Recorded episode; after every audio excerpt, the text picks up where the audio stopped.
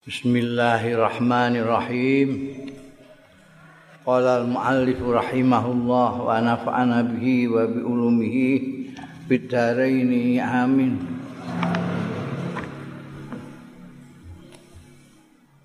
Kitabmu wis meh kateme ya. Kitabmu mau jahaki. Ya melok melok. Eh? Muntak mantuk tok aku iku mulih takon. Takoki cara Jawa kan. Cara Indonesia gimana pendapatmu?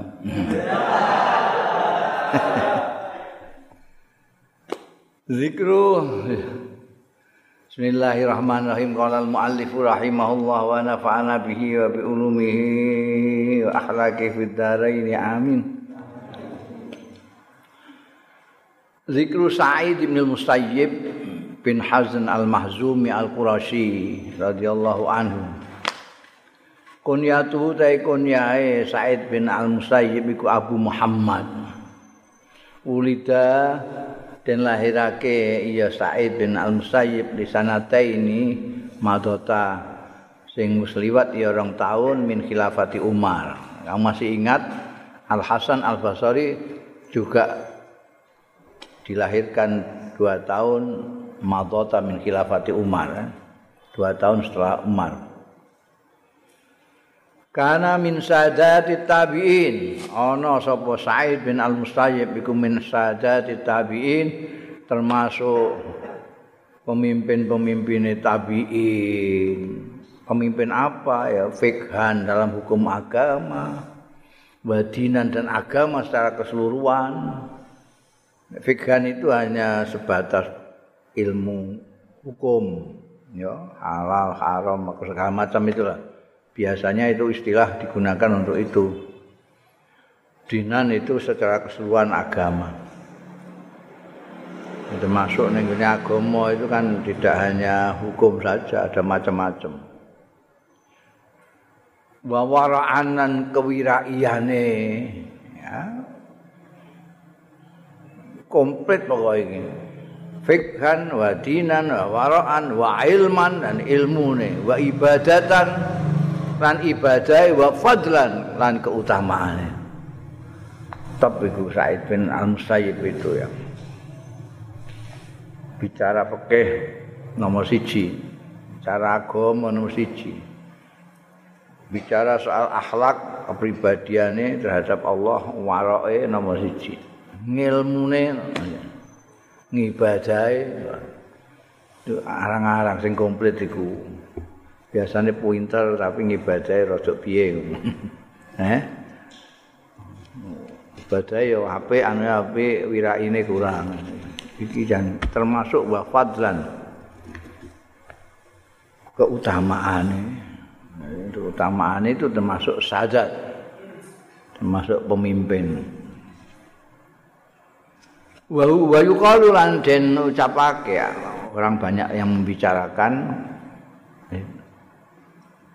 Wa nek cara kene katanya nah, diberitakan yuqalu dengan dikake wa utawi Sa'id bin Al-Musayyib iku mimman termasuk orang termasuk mereka. Bahasa man itu mereka bisa dia bisa miman termasuk mereka aslaha sing mendamaikan yaman baina Utsman wa Aliin antane Utsman dan Ali radhiyallahu anhu wa ma sami'a gak titik kok dikoma wae ya Allah titik. Sebetulnya Sayyidina Utsman dengan Sayyidina Ali tidak ada masalah. Itu masalah biasa lah podo-podo mantune Kanjeng Nabi Muhammad sallallahu alaihi wasallam. Biasa iku ana mantu loro iku lalu terus dapat apa gesekan-gesekan kecil lah biasa. Ya. Ya. Sayyidina Utsman itu garwane Sayyidatina Ruqayyah, Mbak Sayyidatina Umi Kusum nguduni Sayyidina Um. Sayyidina Ali Sayyidatina Fatimah. Dilalai Sayyidina Utsman itu. Sugih mlegeduk Sayyidina Ali. Marat. Marat sebagai pilihan ya. Mereka niru kancing Nabi, kancing Nabi seneng marat. Masami al azan, ora tau mireng sapa Said bin Al Musayyib al azan ing azan fi ahlihi dalam keluargane Said salasi nasana telung puluh dino. Hmm. Kena apa? Wa kana ana sapa Sa'id bin Al-Musayyib iku yahduru hadir al-masjid ing masjid qabla al-azan sadurunge azan. Ya, sadurunge azan iku wis diloloni, ora kok azan wis bar bareng isih ngenteni komat. ya, aduh banget satana mabaina sama wa sumur. Alamma buya bareng dibeat sapa Abdul Malik.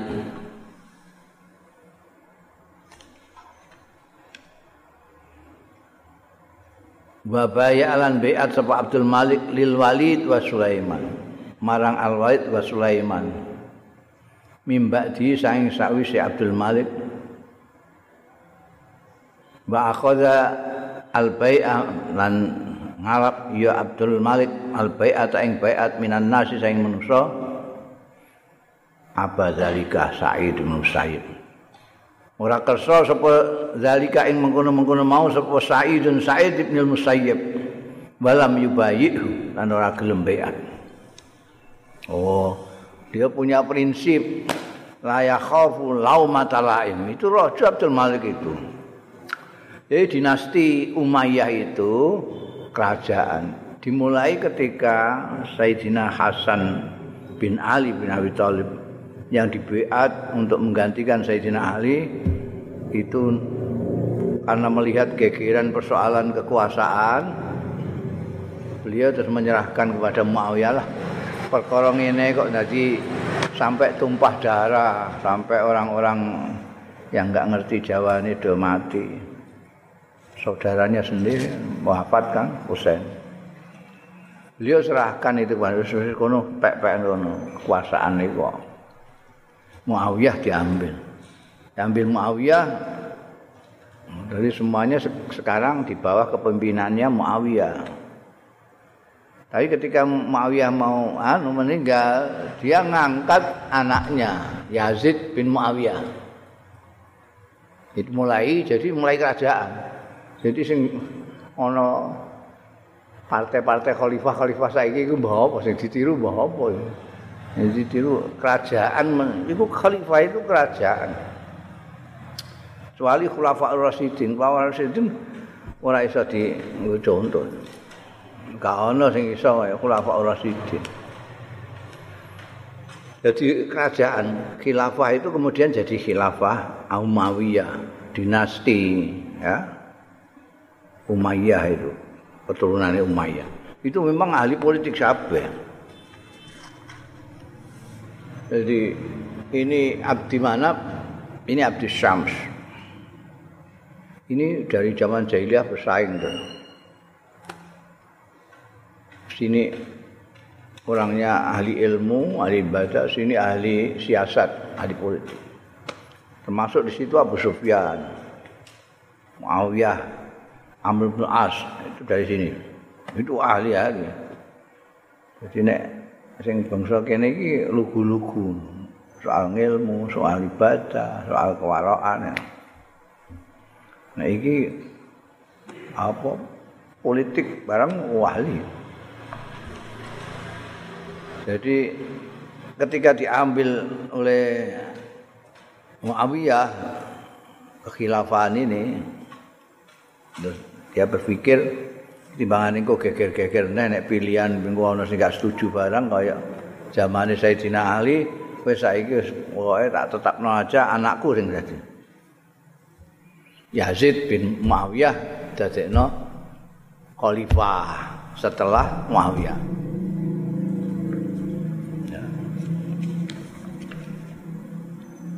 Yazid mati ding dikon genti anake neh Muawiyah bin Yazid. Ya dinasti Umayyah itu yang ketiga namanya sama dengan yang pertama. Muawiyah yang pertama pendirinya Muawiyah bin Abi Sufyan. Yang ketiga Muawiyah bin Yazid.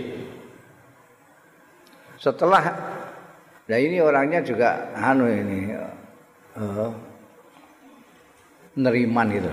Neriman Muawiyah apa ya anaknya Yazid Muawiyah bin Yazid. Nek Yazid itu karuan gak karuan kabeh itu. Orang-orang banyak yang ngerasani lah, ulama-ulamanya. Sebetulnya itu orang sing jago politik yang sing sejak Sayyidina Utsman itu sudah berperan berat. Jadi orang yang mempelajari apa sejarah itu, itu ada politisi pokil yang paling pokil itu ada yang menjadi cara saiki ini wantim penasehat penasehat Sayyidina Utsman. Sayyidina Utsman kan sudah sepuh nalika menggantikan Sayyidina Umar itu. Sudah sepuh sekali. Kemudian sak pantaran dengan Sayyidina Umar. Didampingi namanya Marwan bin Hakam. Ini tokoh Marwan bin Hakam. Terus ada kemudian AKN aja masa ini dipecati kabeh. Tokoh-tokoh besar seperti apa bin Jarrah siapa jenenge? Abu Ubaidah bin Jarrah dipecat. Terus apa sing mimpin peperangan menang niku niku bin Waqqas itu apa Saat bin Waqqas dipecat. Digenti dulu deh digenti dari ini ras Abdul Samsin sampai ada gejolak berontak di Mesir itu sampai terbunuhnya Sayyidina Utsman. Dan itu sebetulnya harus direkayasa sampean sahabat-sahabat sing lurus-lurus itu untuk diperbaiki lah. Sehingga Utsman ya kerso lah untuk kembali supaya jangan ada pemberontakan. Tapi Marwan bin Hakam itu uji era karuan. Akhirnya ini melak Muawiyah karena tuntutan Muawiyah kan apa namanya pembunuh pemberontak yang membunuh Sayyidina Utsman harus dicari dulu, diadili dulu. Baru nanti persoalan siapa yang dibeat sebagai khalifah nanti. Padahal orang-orang yang lain sudah beat Sayyidina Ali. Padahal. Amrul Mu'az Marwan melok Muawiyah.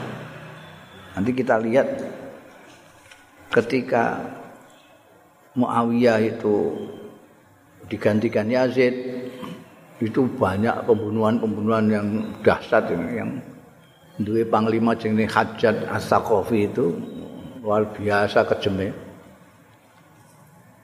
Ini Yazid meninggal diganti Muawiyah bin Yazid. Muawiyah bin Yazid itu lemah.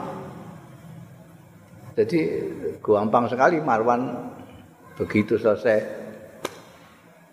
Muawiyah bin Yazid itu digantikan oleh Marwan bin Hakam.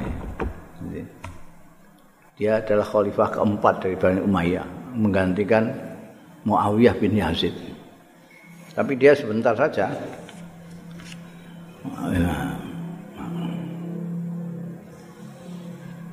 Anaknya kemudian jadi wis wis ora niku ini turunannya Abu Sufyan kan Muawiyah gak genti turunane Marwan, Marwan bin Abdul Malik.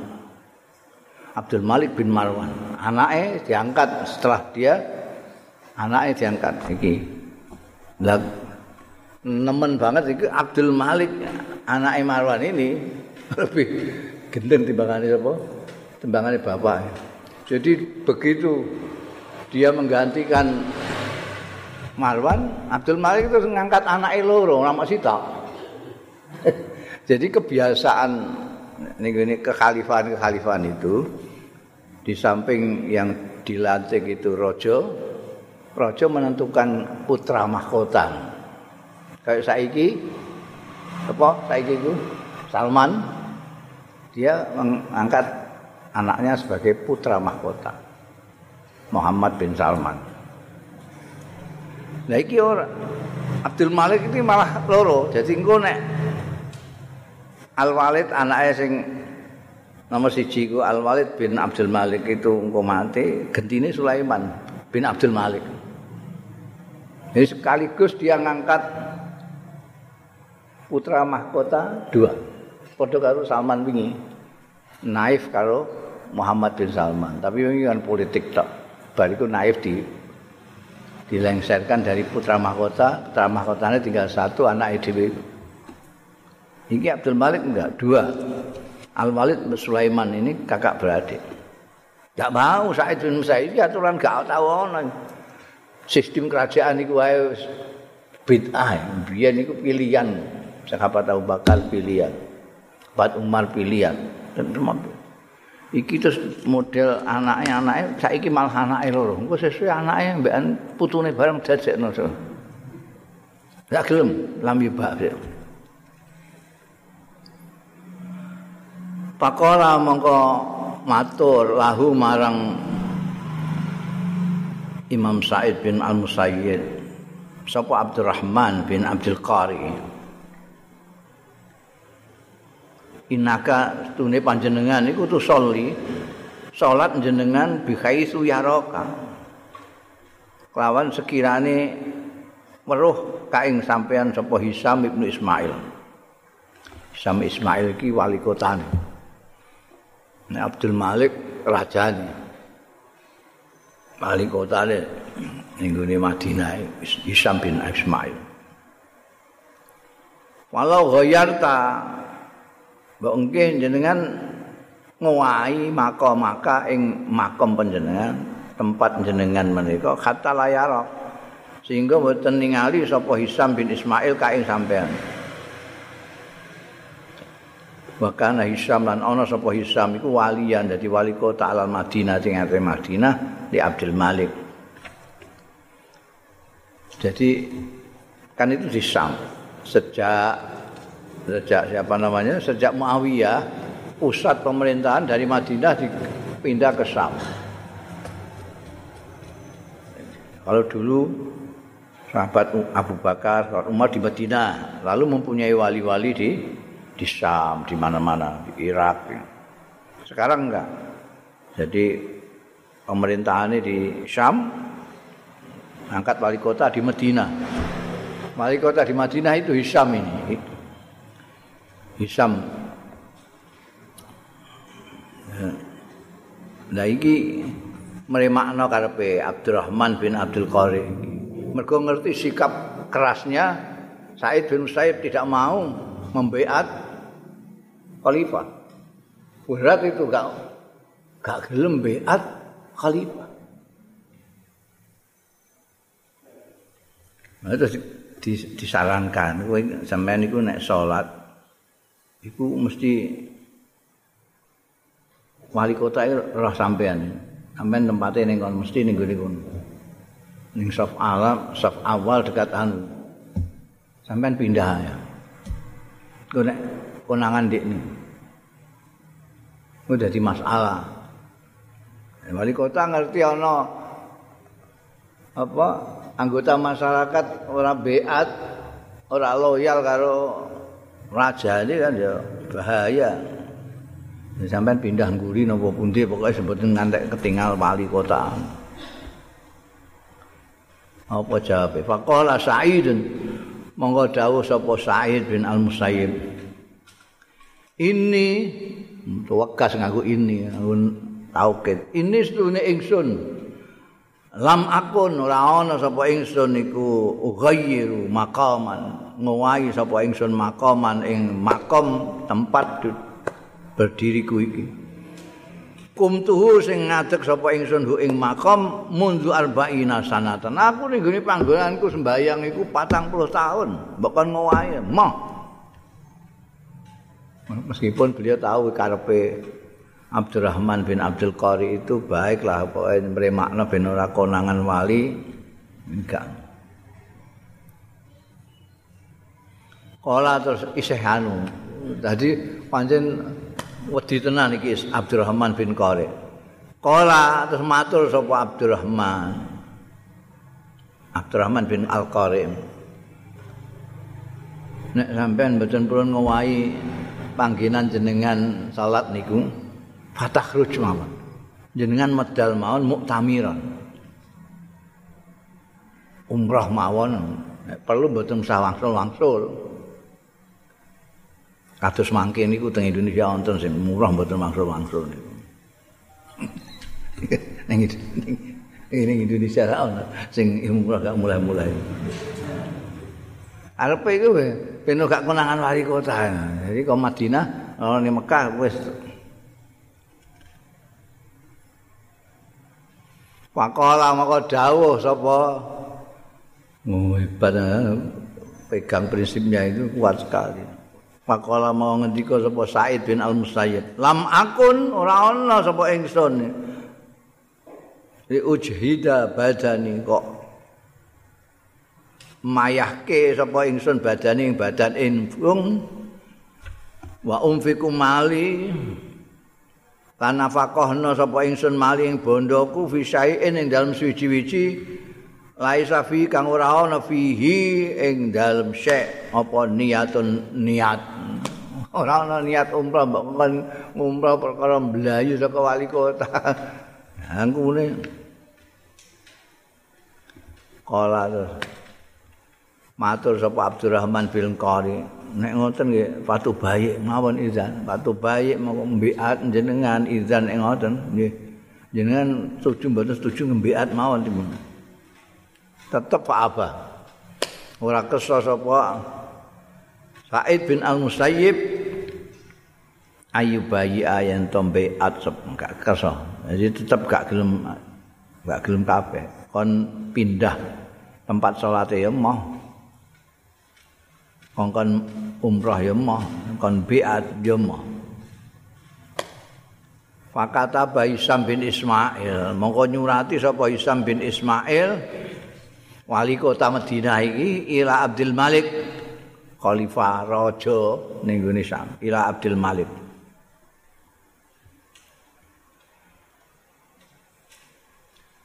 Disurati nek iki tokoh besar di Madinah Said bin Al Musayyib ternyata enggak mau biat ampean Fakataba Abdul Malik mongko nyurati genti sapa Abdul Malik ilaihi marang Hisam bin Ismail. Ma da'aka ila Said bin Musayyib. Ing apa da'aka mendorong ya maka ing sira ila Said bin Musayyib man Said bin Musayyib. Ngapain kamu ngurus Said bin Musayyib? Maka ana alaina min husyaiun ora ana alaina ing atase kita minhu saking Said bin Musayyib apa sayun suci-wici nukrihu sing ora seneng sapa kita ing syekh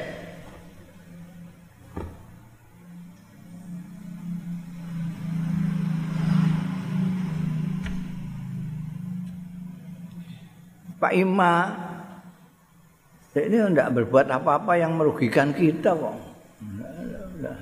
Dah ngapain? Pak Ima ilfa alta mongko terkalane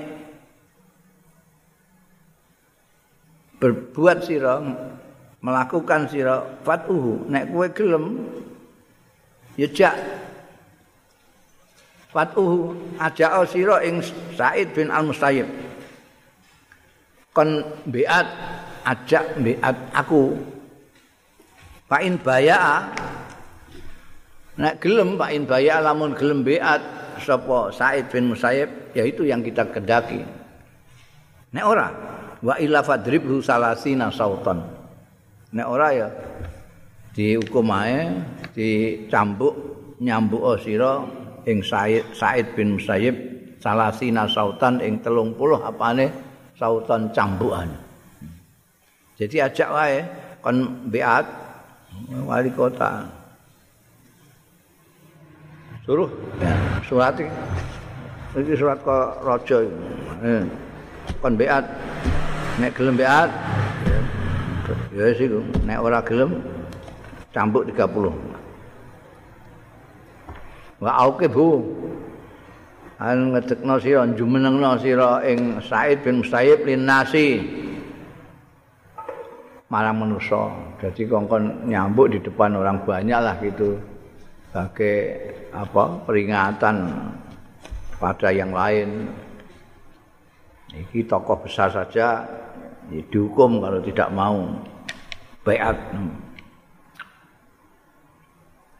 Fada'ahu monggo ngundang ing Said bin Al Musayyib sapa Hisamun Hisam wali kota ngundang Pak Abah ora gelem teko.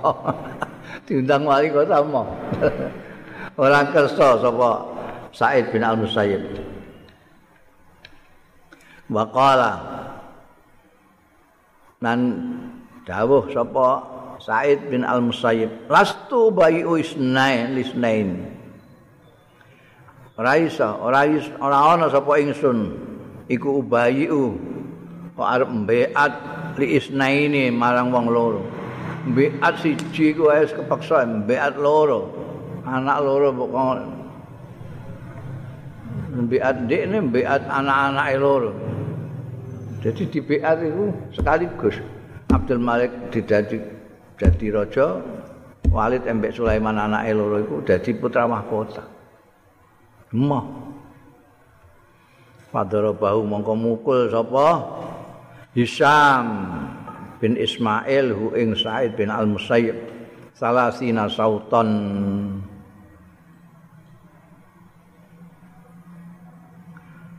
telung puluh cambukan pecutan.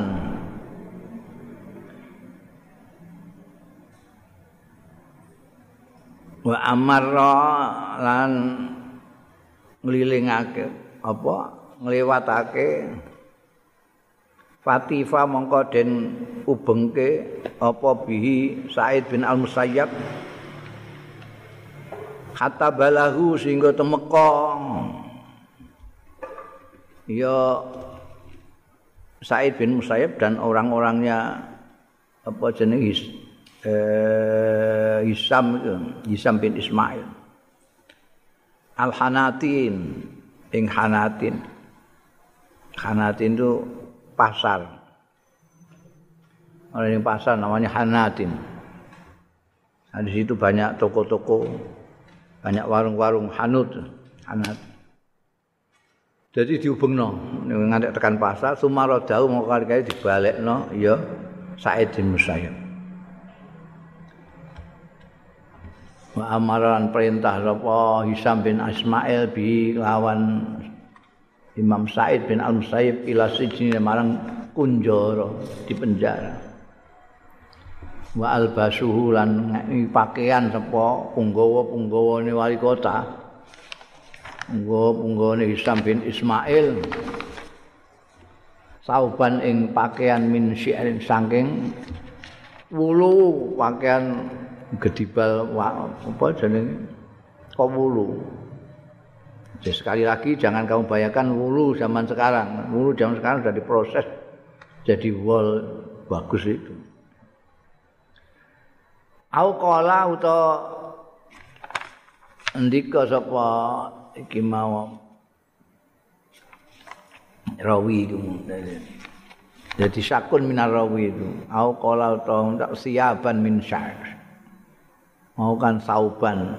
Kacek sithik ngono amanatun nakli itu dikatakan ya, saking cermatnya jadi jangan sampai disebut sebagai gawe-gawe terhadap suatu apa kebenaran jadi aukola siapan minasya. Padahal kacek sidik. Sauban itu pakaian siapan itu jama'i saub.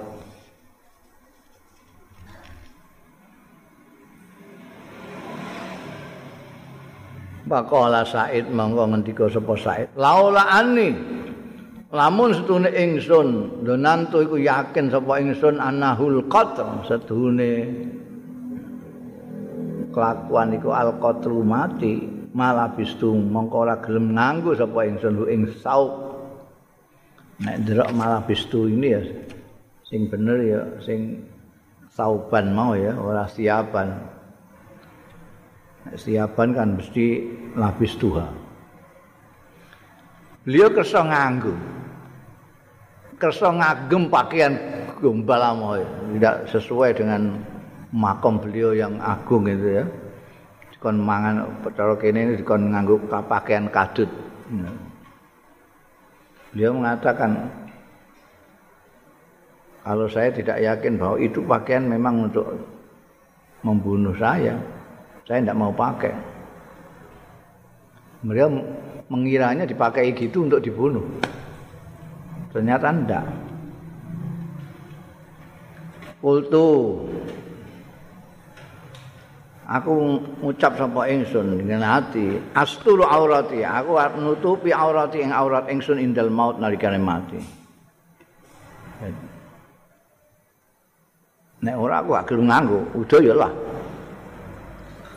Nek umpamanya saya tidak yakin bahwa saya dibunuh. Karena saya yakin dibunuh, saya pakai itu pakaian. Karena itu bisa nutupi aurat ketika saya nanti dipateni. Oh.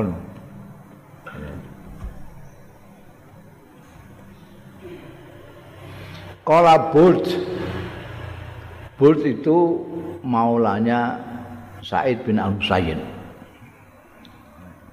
Dulu budak dimerdekakan sampean Imam Said Al-Musayyib Karena itu dia maulanya Said Said maulanya Burt Jadi tahu persis dia maulanya Manu dia ora diundang ke salati marang sembahyang mundu arba'ina sana. Sejak 40 tahun illa wa sa'idun fil masjid kejaba wa sa'idun utai Imam Sa'id bin Al-Musayyib fil masjid iku ana ing masjid.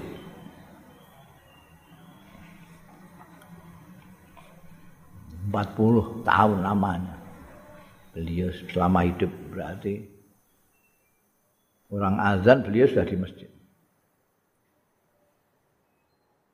Waqala Said itu tadi maulanya Said ya. Sekarang Saidnya sendiri. Waqala jauh sapa Imam Said. Ma dakhala alayya waktu salatin. Ora mlebu ing atase ingsun apa waktu salatin waktu salat. Mau salat apa ae subuh, salat maghrib, salat isya. Illa waqat akhadtu uhbatah. Kejaba teman-teman aku wis gawe sapa ingsun ahbatah ing uga rampene salat. Aku wis nganggo pakaian sing resik pakaian wa ana mergo napa? Wa ana utai ingsun ilaiha marang salat iku mustaqun rindu sekali. Kowe tau rindu wean salat? Eh salat nek ora wajib kira-kira mbok lakoni. Hmm, kepaksa-kepaksa sithik. Iki rindu pada salat. Yo niru Kanjeng Nabi Muhammad sallallahu alaihi wasallam. Nabi Muhammad itu wa qurratu aini fi shalah. Kanjeng Nabi itu paling asik kalau sedang sholat. Wa qala Sa'id ma fatatni at-takbirah. Ora tau ngepot ingsun.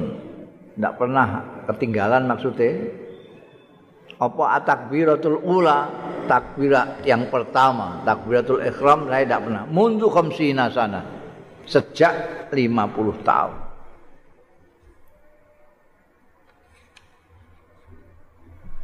Wa ma nazartu lan ora ningali sapa ingsun fi akfiyatin nas. Ing dalem jitok-jitoke wong munzu khamsina sanatan sejak 50 tahun. Yakni fi salatil jamaah ing dalam salat jamaah. Ini bisa berarti beliau tidak pernah di sop belakang karena tidak pernah lihat jidok tapi bisa berarti juga beliau melihat ke tempat sujud terus jadi tidak pernah melihat jidok wong lah. Ya nek gue malah mau kaose bareng kelengaan itu dia tidak pernah lihat sitoke wong datang. Wa qala Abdul Mun'im bin Idris yang dika sapa Abdul Mun'im bin Izin an Abi saking ramane Abdul Mun'im yaitu saking Idris. Kala ngendika Abu Salah Sa'id dan Asubh salat sapa Imam Sa'id Asubh ing subuh biwudu'il atam. Kelawan wudu isya. Khamsina sana 50 tahun. Jadi bukan hanya sekali ya, 50 tahun ndudono istiqomah. Masya Allah, istiqomah 50 tahun. Sembayang subuh dengan wudhu, sholat isya. Terus ora sehari. Barisa itu ora sehari ngantek subuh.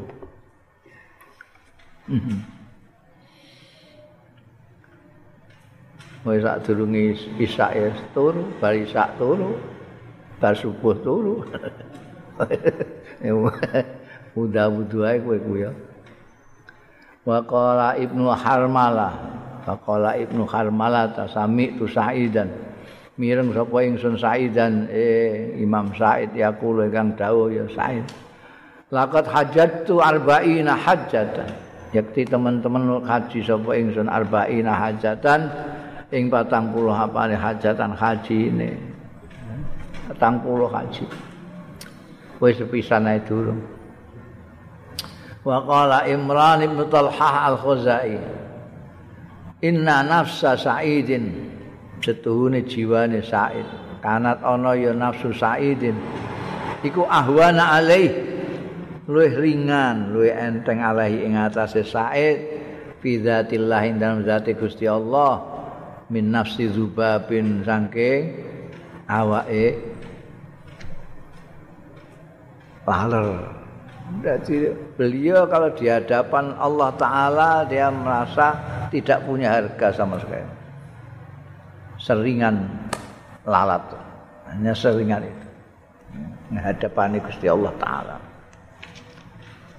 Padahal orang begitu besar ya merasa seperti hanya seperti lalat saja di hadapan Tuhan. Saiki ilmu ecek-ecek nu uh, mongso gajah. Wa qala Sa'id ngendika sapa Sa'id ma akramatul ibad anfusa.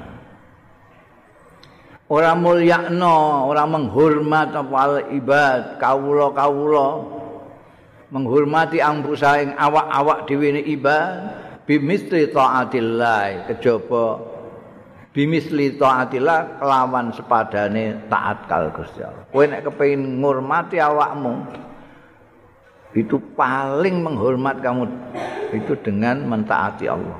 Begitu kamu mentaati Allah taala perintah-perintahnya mbok lakoni larangane mbok tinggal itu berarti kamu sangat-sangat menghargai sangat menghormati dirimu. Ya ada yang seperti itu. Ora kok pakaiane serbane jubahe barang tunjukkan saja taatmu kepada Gusti Allah. Gusti Allah ndawuhi apa mbok taati? Itu kamu sudah memuliakan diri kamu. Ndak usah nganggo atribut macam-macam wala ahanatil ibad. Lan orang merendahkan al ibadu sapa?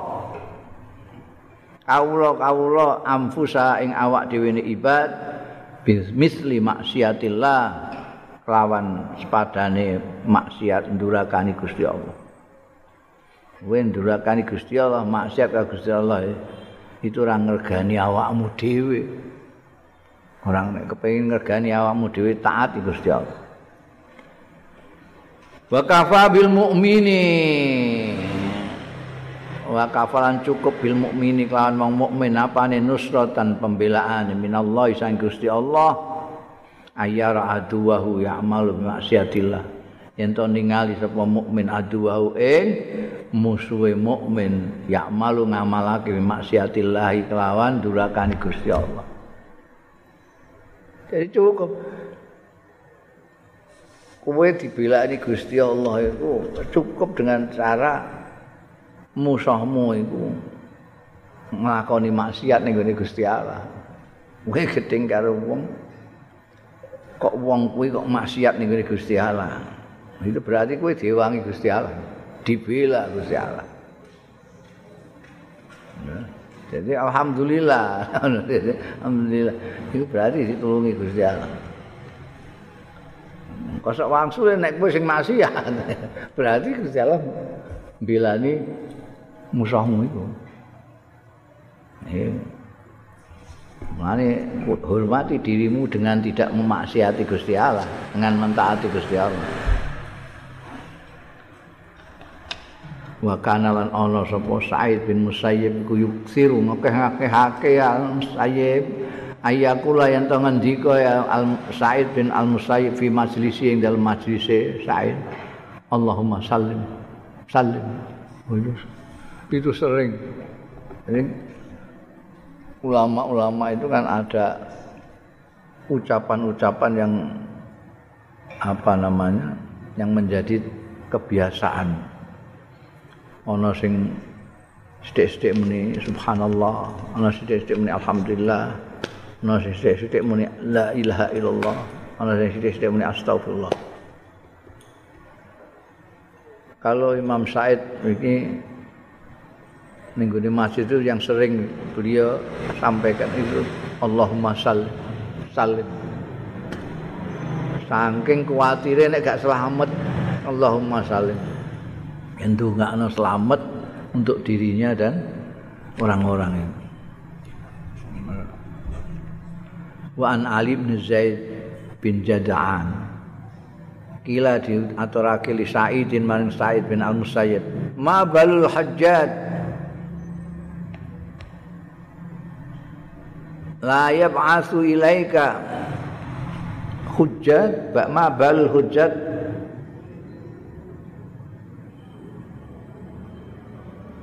la Allah iki hajat yang tinggu kembang lambe. Ulama-ulama orang dari Bani Umayyah yang paling kejam itu al-hajjaj. Jawani-wani webean dinasti Umayyah ini. Pemerintahan iki mungkin duwe soal panglima darah dingin. Pokoknya Eko wani parani pateni ngono ae, ora nganggo cang apa macam-macam. Lah iki Said bin Musaib ndak. Kila diaturake li Saidin, ma balul hajjat layab asu ilaika. niku kena napa mama balu hajat iku apa pikiran al hajat ma balul hajat sapa al hajat kok layap asu ilaika? Mboten ngirim utusan ilaika dan panjenengan. Biasanya sampai ana wong sing nentang-nentang seret gorine ngono. Niki jenengan malah ora ora gelem beat khalifah, ora gelem beat raja. Kok mboten ngirim pasukan apa-apa. Walayahi juga. Lan ora ganggu ya hajat ing sampean wala yu'zika lan mboten nglanani mboten ngarakake al hajat ka ing panjenengan Kala dawuh sapa Sa'id bin Al-Musayyab. Wallahi demi Allah, ma'adri aku gak roh aku mbah. Kok gak ngutus wong kon nyeret aku kenapa? Kok gak ganggu aku, kok gak nyiksa aku kena apa? Ma'adri ngerti aku. Wa ira anahu mung wae anahu setune hajat iku salat sembayang zata yaumin ing dalem sucining dina ma'abi sartane bapake. biyen cilikane iku tau semdekne sembayang karo bapak. Salatan ning suwijining salat, salat zuhur, salat apa lah pokoke salat. Fajar alam kok dadi ya hajat iku layu tamimu, ora nyempurnakno ya hajat ruku ing rukuke. Hak delok rukuke kok ora sempurna. Ruku kok ngono iku apa? Melengkung. Ora mau rukuke tok, wala sujudah lan ora sujude. Salat. Rukuke salat ya ora sempurna. Sujude salat ya ora sempurna fa akhartu mongko jikuk sapa ingsun kafan sak gegem min hasba. Saking krikil-krikil sudah pernah saya ceritakan bahwa masjid-masjid dulu sekarang juga masih ada. Di dalam masjid itu ada krikil-krikil itu. Yang fungsinya itu nanti kalau musim panas dia bisa agak dingin. Kalau musim dingin dia menghangatkan. Kalau cekak linggen gini kerikil-kerikil. Baik Imam Said bin Al Sayyid iki roh hajat iku melok bapake sembahyang kok gak genah. Terus tak jikukno kerikil. Pahasab tuhu biha. Monggo mbalangno kerikil mau ing hajat biha, biha kelawan hasbak mau.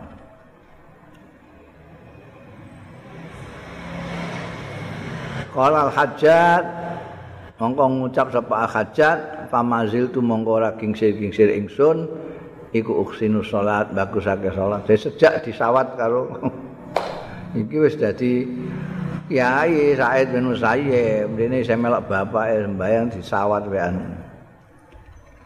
Jadi sejak itu dikenang terus mungkin wek hajat ya. Nah, ini orang ini dulu pernah berjasa kepada saya. Nah, aku gak disawat kerikil bede ini, salatku ya tetap gak genah, rukukku gak genah, sujudku gak genah. Malah.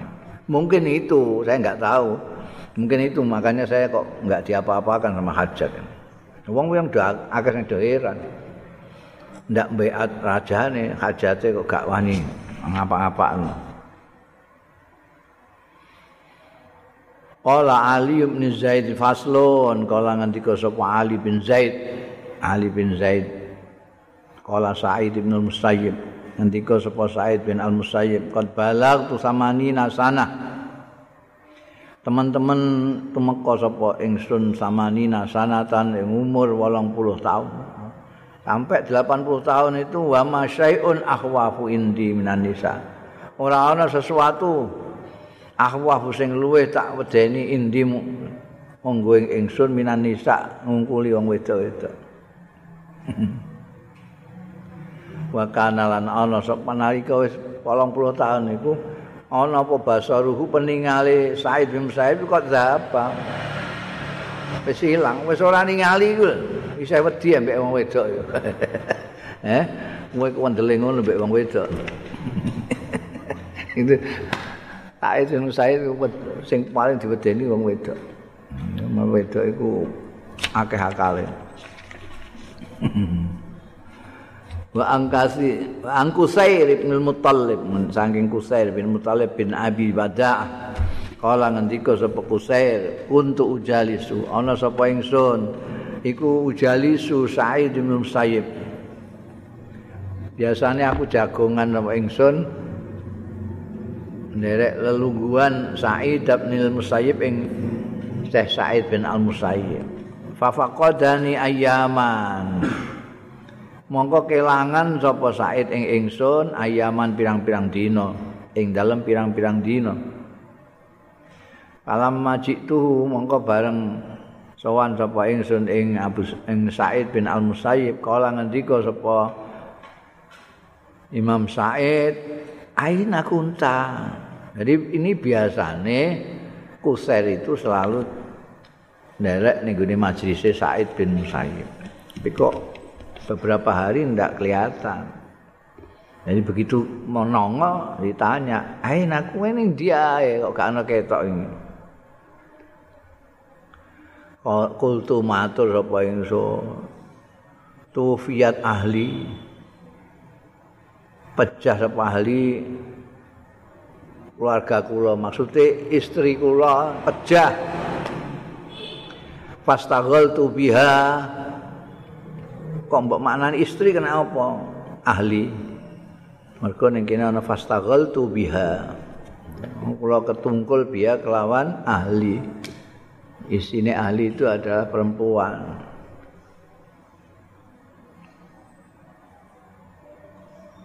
Pakola mongko ngendika sapa sain ala ahbar tanah. Lha kena apa kowe ngabari ora ngabari sira ing ingsun fasaid naha mongko nyekseni sapa ingsun ha ing ahlimu sing wafat.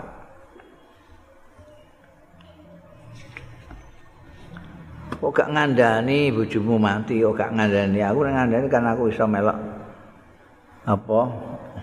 Apa nyaksekno jenazahe nyalati bareng.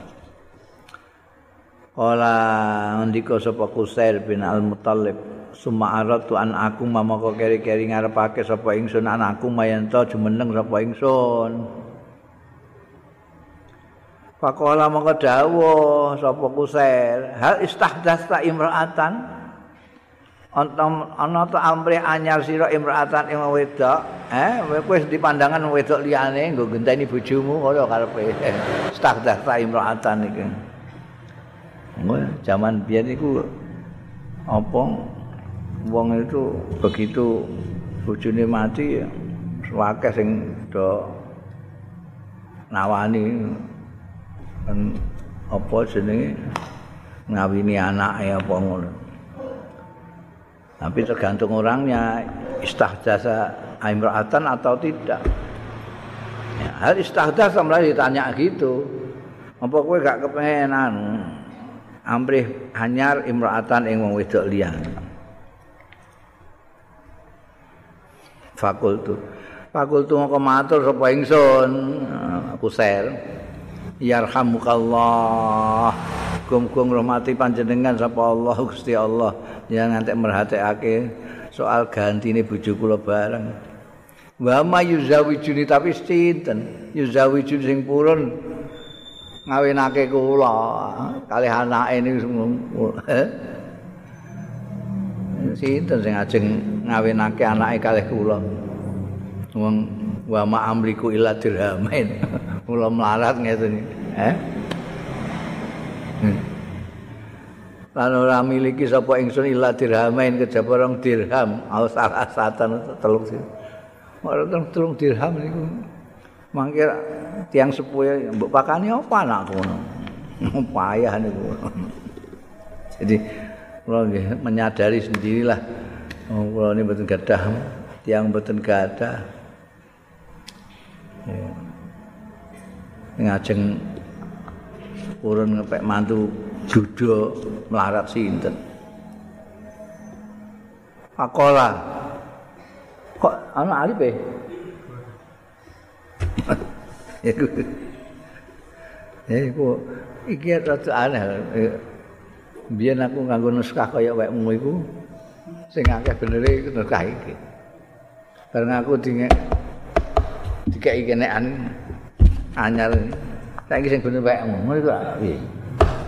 Eh iki nasib jenenge Pakola kok kono alipe barang ku apa? apa rujuke ning dirhamen ngono mergo ana dirhamen terus sekolah. Mongko ngendika sapa dirham loro. Pakola mongko dawuh sapa Said Husain ana. Mau kan ini sinten sing purun ngawinake anake kalih kula niki? Kula melarat. Kada duit nggih mok rong dirham telung dirham kok jawab kiai ini kok ana aku Kepengen kowe. Pakul ana. Pakul tu. Monggo matur sapa ing sembah tafal lan jenengan saestu serius badhe nindakaken ing kala andika sapa Said bin Musaid. Naam iya. Summa tahammada wa shalla mongko keri-keri memuji-muji sapa Said bin Musayyib. Wa muji Gusti Allah wa lan maca selawat ala nabi ing atas Kanjeng Nabi sallallahu alaihi wasallam. Wa zawwajani anawinna sapa Said bin Al Musayyib ing ingsun ala dirhamain atas. Ing atase dirham kaya ning Indonesia eh ning Indonesia iki mahar kan murah rong dirham iku untuk sajadah sitok. Iki bimahri adawati sholat.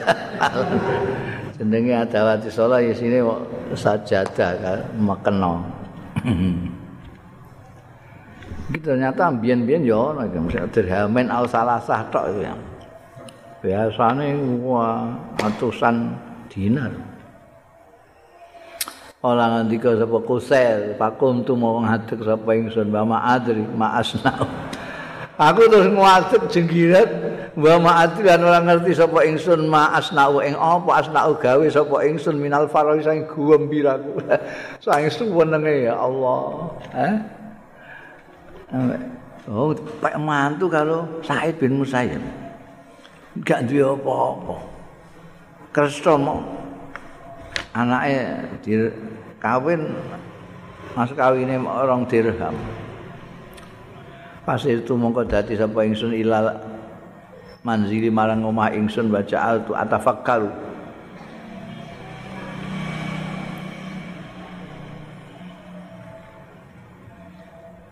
Aku terus mikir-mikir atafakkaru mimman saking wong aku terus sing iso ngalap sapa ingsun wa mimman lan saking wong astadinu sing gelem.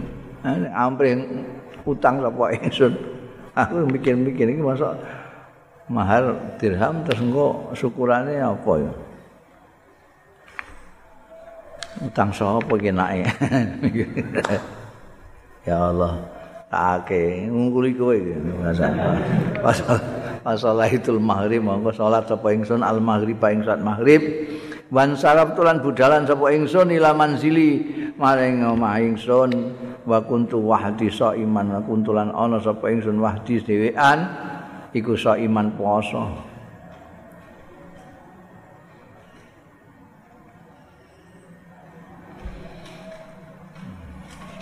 Pakodam tu isna.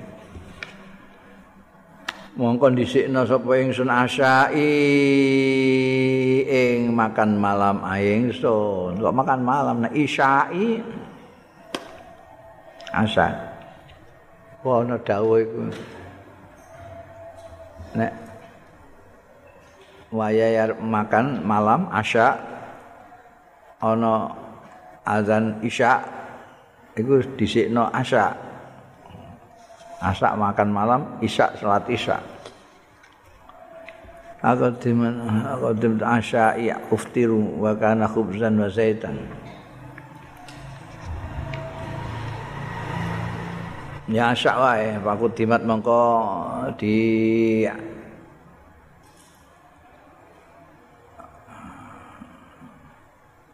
Monggo nekani faqadim tu nekani ingsun asai ing asa ingsun. Makanan malam saya uftiru buka sapa ingsun. Wa kana lan ana apa asai ku khubzan. Roti wa zaitan lan lengo wong Arab iku nek ning kene kan sego yah ngono ae iku sederhana ning kono. Roti karo minyak. Apa minyak samin apa minyak zaitun pokoknya nganggo minyak. Celup-celup minyak. Aku lagi buka ngono iku. Faizan babi yukra. Dumadaan lawang ingsun yukra didodok wong. Tok tok tok. Aku tuman haza ngucap sapa ingsun man haza iku sapa haza sing dodok iki Kala dadak endika man hadza iki tak tak takok ning dodok-dodok ngono Said. Ya Allah. Said. Syekh Syekh dhewe mangibungi wayahe buka. Fafakal tu fi kulli insanin mongko aku mikir Said sapa ya iki kira-kira. Saya mikir sapa ingsun fi kulli insanin dalam setiap manusia ismuhu Said. Sing jenenge Said. Illa Sa'id bin Musayyab. Semua saya pikirkan nama Sa'id, Sa'id apa lagi Sa'id bin Nikah, Sa'id. Tapi belas enggak kepikiran nek sing dodok lawang itu sing muni Sa'id mau Sa'id bin Al Musayyib. Sa'id eh Kiai kok rene iki piye? Jadi enggak terpikirkan. Nah, mungkin Sa'id Sa'id sing liya. Lah enggak mungkin nek Sa'id. Fa innahu lam yura. Mongko setuhune Said iku lam yura ora tau ditingali arba'ina sanatan. Ing dalem 40 apane sanatan taune illa baina baiti wal masjid. Kejaba antarane daleme lan wal masjid lan masjid. Yo tindakane wis dalem masjid dalem masjid. Selama 40 tahun. Lha kok juk-juk rene ora mungkin ora mungkin. Fakum tu mongko ngadeg sapa ingsun fakaraj tu mongko metu sapa ingsun faizan Sa'id bin Musayyib. Faizan dumadaan panjen Sa'id bin Musayyib. Fadzonantu anahu qad badalahu. Fadzonantu mongko nyono sapa ingsun anahu setune Sa'id bin Musayyib qad badal.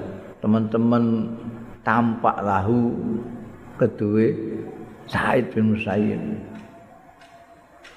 Ngerti nek aku kaget. Aku tu mongko matur sapa ingsun ya Aba Muhammad. Ini panggilan kehormatannya Abu apa Said bin Musaib Aba Muhammad ya Aba Muhammad. Ala. Arsal tambo inggih panjenengan utusan mawon ilaya dateng kula fa itu ka mengko kula sowan. Fa itu ka mengko sowan kula panjenengan. Inggih jenengan mau utusan kemawon nimbali kula kula sing sowan jenengan kok mriki. Kala dawuh sapa Said la ora. Anta hak utahe sira iku ahak luweh berhak antuk ta yen to ditekani sira. Kowe iku luweh berhak ditekani kultu mongko matur sapa ingsun ora enak kabeh. Saya gembira ya bahagia tapi piye gurune nang sae dan rawuh ning ngene daleme. Kultu mongko matur sapa ingsun fama tak muruna ya apa Muhammadin. Mongko ing napa tak muruna? Merintah panjenengan ing kula ya apa Muhammadin. Kala ngendika sapa Abu Muhammad Said bin Musayyib innaka setune sira iku ana sira iku rajulan azban. Kowe iku asale jomblo. Entah ana sira ana iku rajulan wong lanang azban sing jomblo. Kowe iku jomblo. Fatazawwajta mongko kawin sira. Bakarih tulan ora seneng sapa ingsun an ubayyita yen to nginepno sapa ingsun ing sira alailata bengi iki wahdakal wong kowe iku jomblo wis tak kawin ambek anakku kok kowe isih jomblo iku aku gak enak kabeh. Kali itu gak enak kabeh gak enak kabeh. Wis tak kawin ambek anak. Lah kowe isih dhewean urip dhewean jomblo ngene iki cah pondok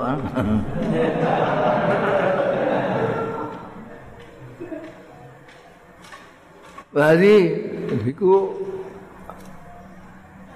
Syekh Said bin Usaid itu karo putri ini. Jadi moro ning gone mantune iki mau, nek go putri ini.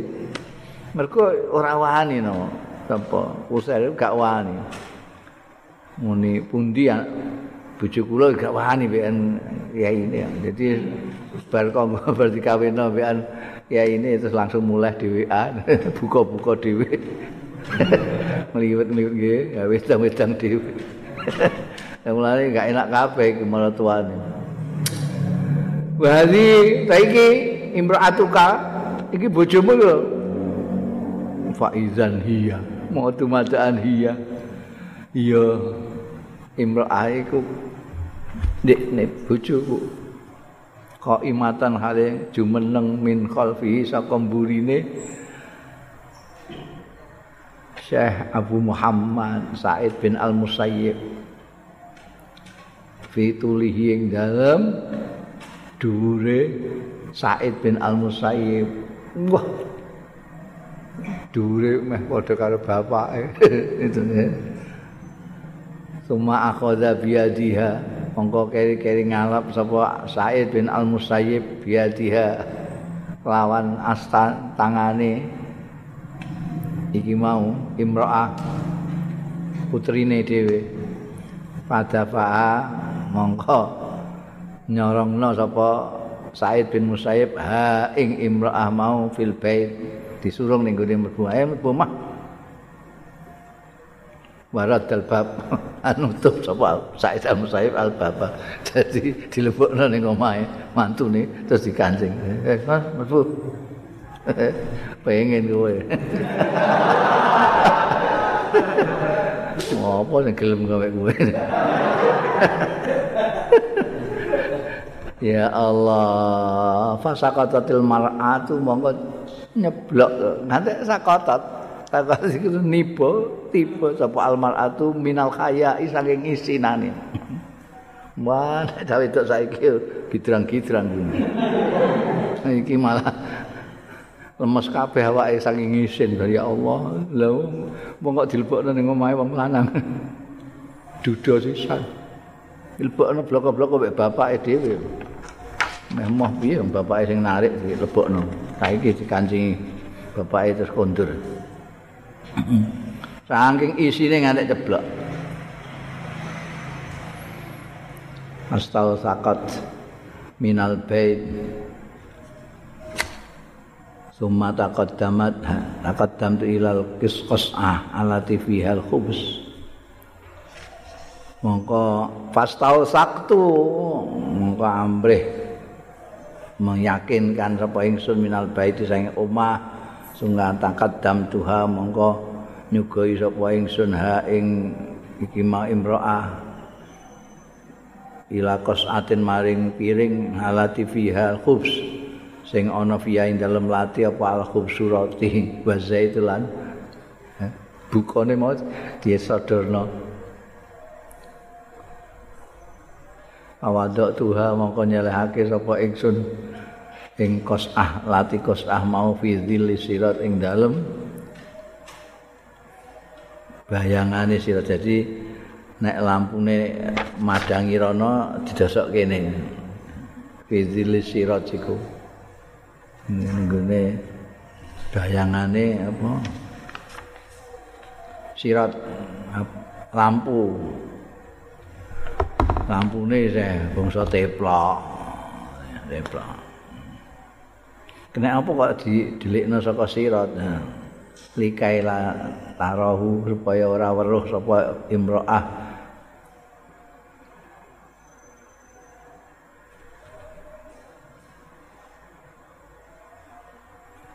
Mikaela tahlu supaya ora ningali sapa? Imra'ah mau hu ing apa hu apa ha? Hu ya hu ning di kembali Mungkin mau alati fiha awadok awadok tuha fi sirat likaila tara supaya enggak ngerti Masa gak ngerti mbek sirat. Sing pantes ning gone hu iku mok sirat stok. Tapi gak cocok. Gak cocok. Wong dia yang ini ben ora kena padangan kok.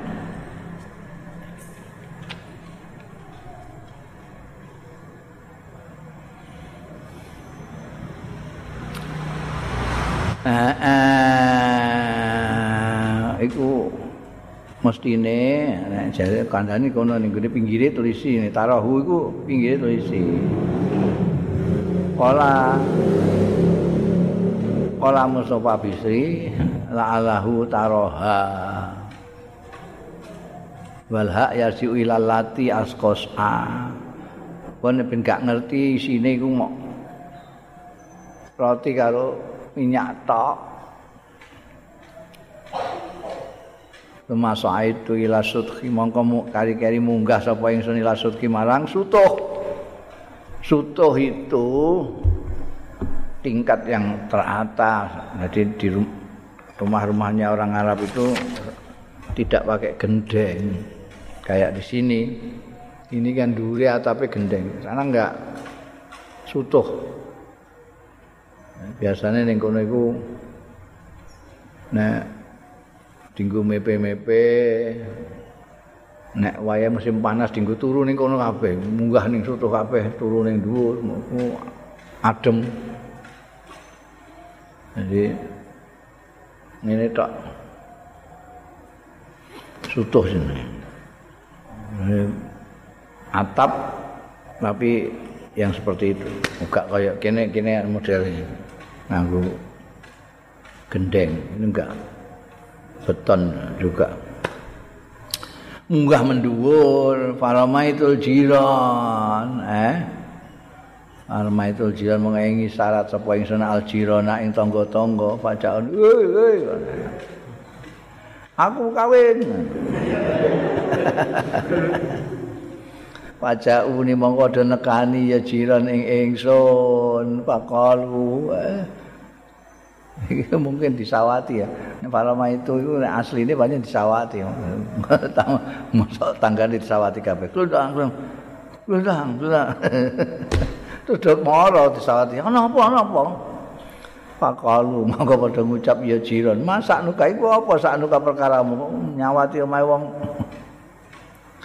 Kultu saking sewenenge iki mau ya kultu. Aku ngucap jauh jauh wajani Said bin Musayyab. Mulai percaya tau ora? Aku ngawinake ingsun sapa Said bin Al-Musayyib bin Tahu ing putrine al-yauma dina iki. Wa qad jaa biha ala ghaflatin.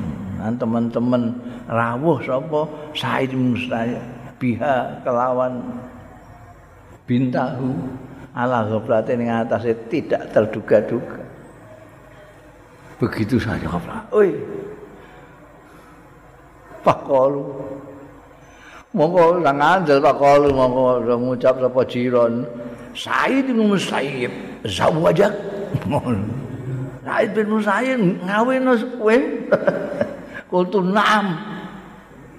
Wah iya nek ngandel iki wonge fidari dalem omah.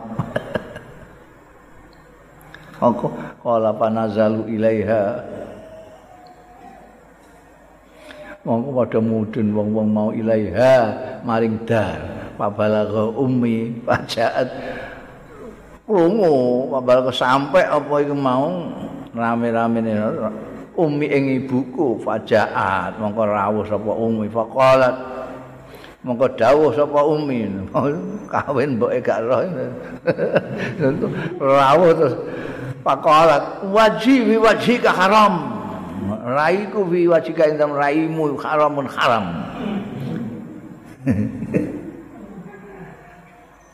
in amsataha qabla an uslihaha.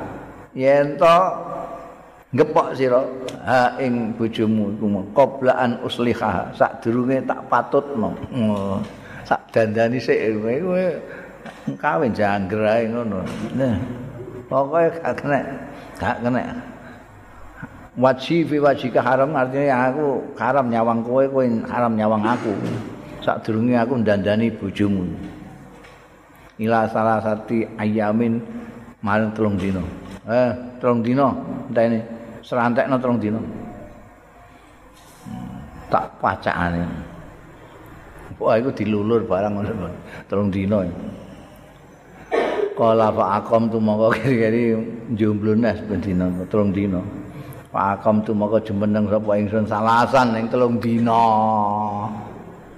Terung dina aku meneng ae turu langgar madakhal tu mongko keri-keri mlebu sapa ingsun. Wa idzan hiya. Mongko dumadaan hiya.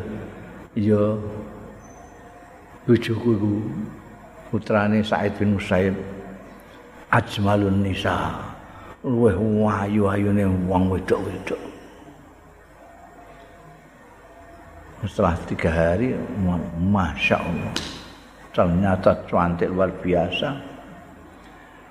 Wa ahfazun nas lan luweh apal-apal manusa li kitabillah marang kitab Gusti Allah. Kepengin kowe. Eh?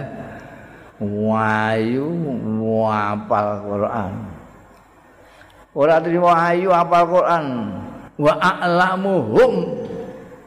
Lan luweh ngalim ngalime wong bisunnati Rasulillah iklan sunnah Rasulullah sallallahu Lah wong putrine sapa? Putrine Said bin Al-Musayyib. Orang topnya Madinah. Ini putrine. Pasti ora terima ayu, apal Quran, paham sunnah Kanjeng Rasul sallallahu alaihi wasallam. Wa a'rafuhum bihaqqiz zaud. Lan luwe paham luwe ngerti-ngertine manungsa wong-wong bihaqi zaut kelawan hae bojo. Kowe duwe bojo gak ngerti hae bojo bar kowe. Baik kowe lanang maupun wedok. Kowe lanang untuk bojo sing ora ngerti hakmu. Kowe wedok untuk bojo lanang sing gak ngerti hak wis bar. Mulane kudu ngaji, lanang wedok kudu ngaji ben masing-masing ngerti haknya. Tidak hanya hak itu dalam bahasa Arab saya sudah berkali-kali mengatakan itu mempunyai dua arti. Bisa berarti hak dalam bahasa Indonesia. Ini hakku, tapi bisa hak itu hak itu bisa berarti kewajiban bisa kewajiban nek bokai ala kewajiban. Hakun alayya kewajibanku. Hakun laka hakmu. Ano ya. Jadi di antara lain perlu ngaji itu ya kowe ngerti ngerti hakmu ngerti kewajibanmu. Nek dua-duanya padha ngerti nih sing wedok ngerti hake ngerti kewajibane sing lanang ngerti hake ngerti kewajibane wis meroy harmoni hidupnya tapi nek salah sisine ora ngerti ngertine mok hake tok ora ngerti kewajibane wah nuntut tok ingin begini ingin begini ingin mereka sing diketokno hak ndik ini padahal ini duit tanggung jawab. Terus itu yang bikin gegeran. Lu kok jadi wong lanang itu apa wong ngai kaya sedina sepuluh hebu jalur iwak pitik terus itu bangunnya hmm. aku fried chicken aku gitu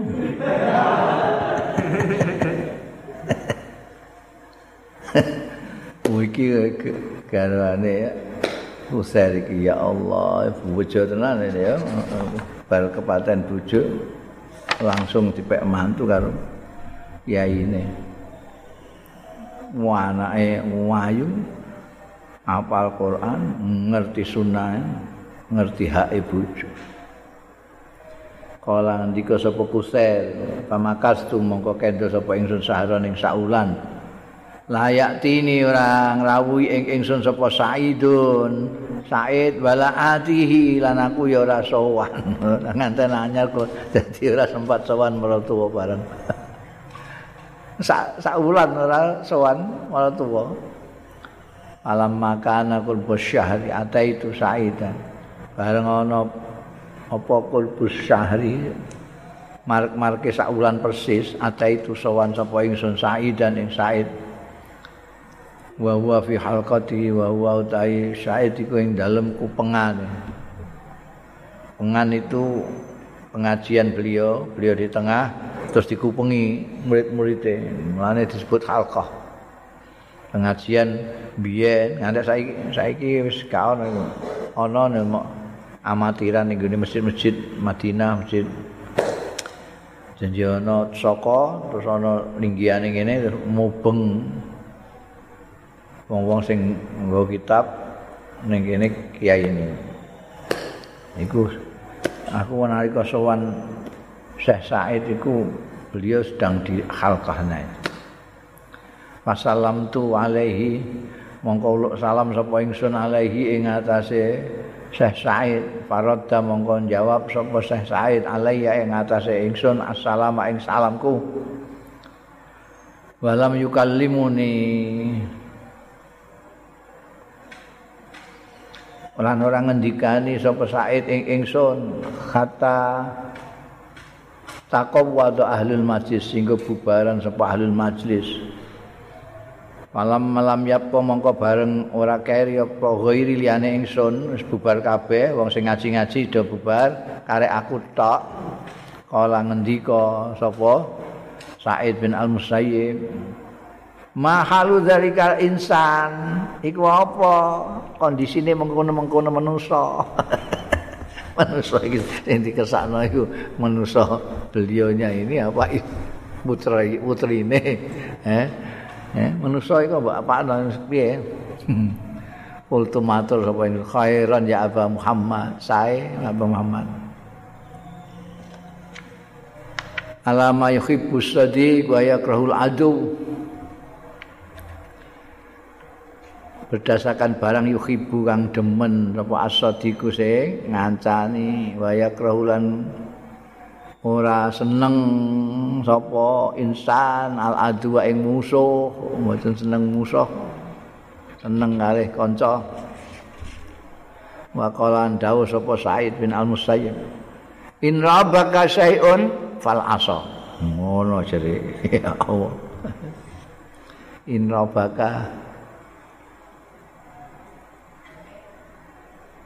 nek gawe ragu-ragu bingungno ya insan ka ing sira. La inna bakal lamun bingungno ing sira bikin ragu-ragu ing sira apa saeun suwi-wiji fal assa mongko bentung ya.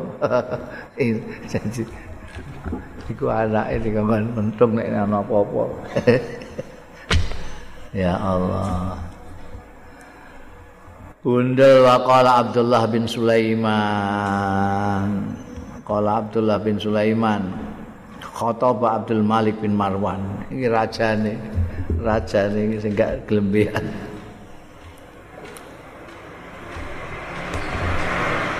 Khotoba. Ngelamar. Sapa Abdul Malik bin Marwan ya. Gak gelem ya anaknya dilamar wayal tenan Abdul Malik. Hmm. presiden ngelamar anake kiai. Khataba Abdul Malik bin Marwan binta Sa'id bin Musayyib. Ala ibnihi. Oh ini ngelamar anake ala ibni ngatasé anake Abdul Malik. Mbok sing Walid mbok sing Sulaiman pokoke. Kina wallahul ahd. Nalika ngangkat sapa Abdul Malik hu ing ibnahu al ahda ing putra mahkota. Dilamar, nglamarno anake sing dadi putra mahkota mau. Apa Walid apa Sulaiman. Pak Abah wong ora kersa sapa Saidun. Said ayu zawi jauh yen to ngawinake sapa Said hu ing anake Abdul Malik mau ibnahu. Alam yazal mau ora kingsir-kingsir sapa Abdullah bin Abdul Malik sapa Abdul Malik. Ya talu mereka daya. Oh, mempolitisir. Ala Said ini ngatasi Said. Kata dorobau sampai mukul sapa Abdul Malik. Jenenge raja iku ya mesti menang-menangan.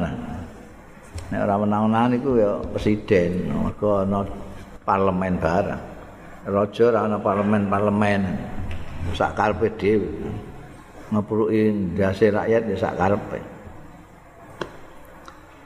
Mulane ana presiden kok sak karepe dhewe, iku presiden bau raja. Hatta dara bahu mi'atan, mi'ata sautin sehingga mukul sapa Abdul Malik hu ing Syekh Said bin Al Musayyib mi'ata sautin 100 saut. ora gelem beat 30 pecutan gak gelem ngawin anake 100 ceputan fi yaumin baridin ing dalam dina sing adem. Soalnya kok dikai fi yaumin baridin. Soalnya dipecut itu dicampur kan gak untuk ngawu kambing jadi di swabeding ping satu padahal pada waktu musim dingin Masya Allah. Mungkin ngerti musim dingin kono. Ya tutuk pun. Katik wa subba alaihi dan disokno alaihi ing atase Imam Said bin Al Musaib apa juratum ma'in. Hah? Ah, itu sak ada kene jenenge jun biyen niku. Saiki mbok saya ana ora jun niku, jurah iku. Tempat tempayan apa? ayo tempayan ya. Sing biasanya dikempit wong wedok kene blenduk gulune dikempit. Sini banyu. Ah, wong desa e pura-pura enggak ngerti. Ning kutho ae ngerti kok jun gak ngerti. Wa albasau lan nganggokake sapa Abdul Malik hu ing Said bin Musayyib jubah tasufin ing jubah kademen baru disoib terus dikon nganggo klambi kadut klambi suf klambi lulang. Wulu. Ora gelem ngawin anak raja gak ditolak diweno santrine sing duda. Lah wah aneh wis bertolak belakang mbek wong saiki. Wa qala yahya bin sa'id mata kapundhut sapa sa'id bin musayyib. Kapundhut sapa sa'id bin musayyib bataraka alfain lan tinggal 2000 au salah satu ala fi dinarin utawa 3000 dinar. Wa qala lan dawuh sapa Said bin Musayyib ma tarak tuha ora ninggal sapa ingsun ha ing alfen utawa salah satu alaf iki. Illa li asuna kejaba kanggo njaga sapa ingsun biya kanthi alfen utawa salah satu alaf dinarin mau. Dini ing agamaku wa hasbilan kehormatanku. Menjaga agama di wasiatke di apa jenenge? Hingga jariah sak piturute. Faslon ruwiya annal mutallib Allahu a'lam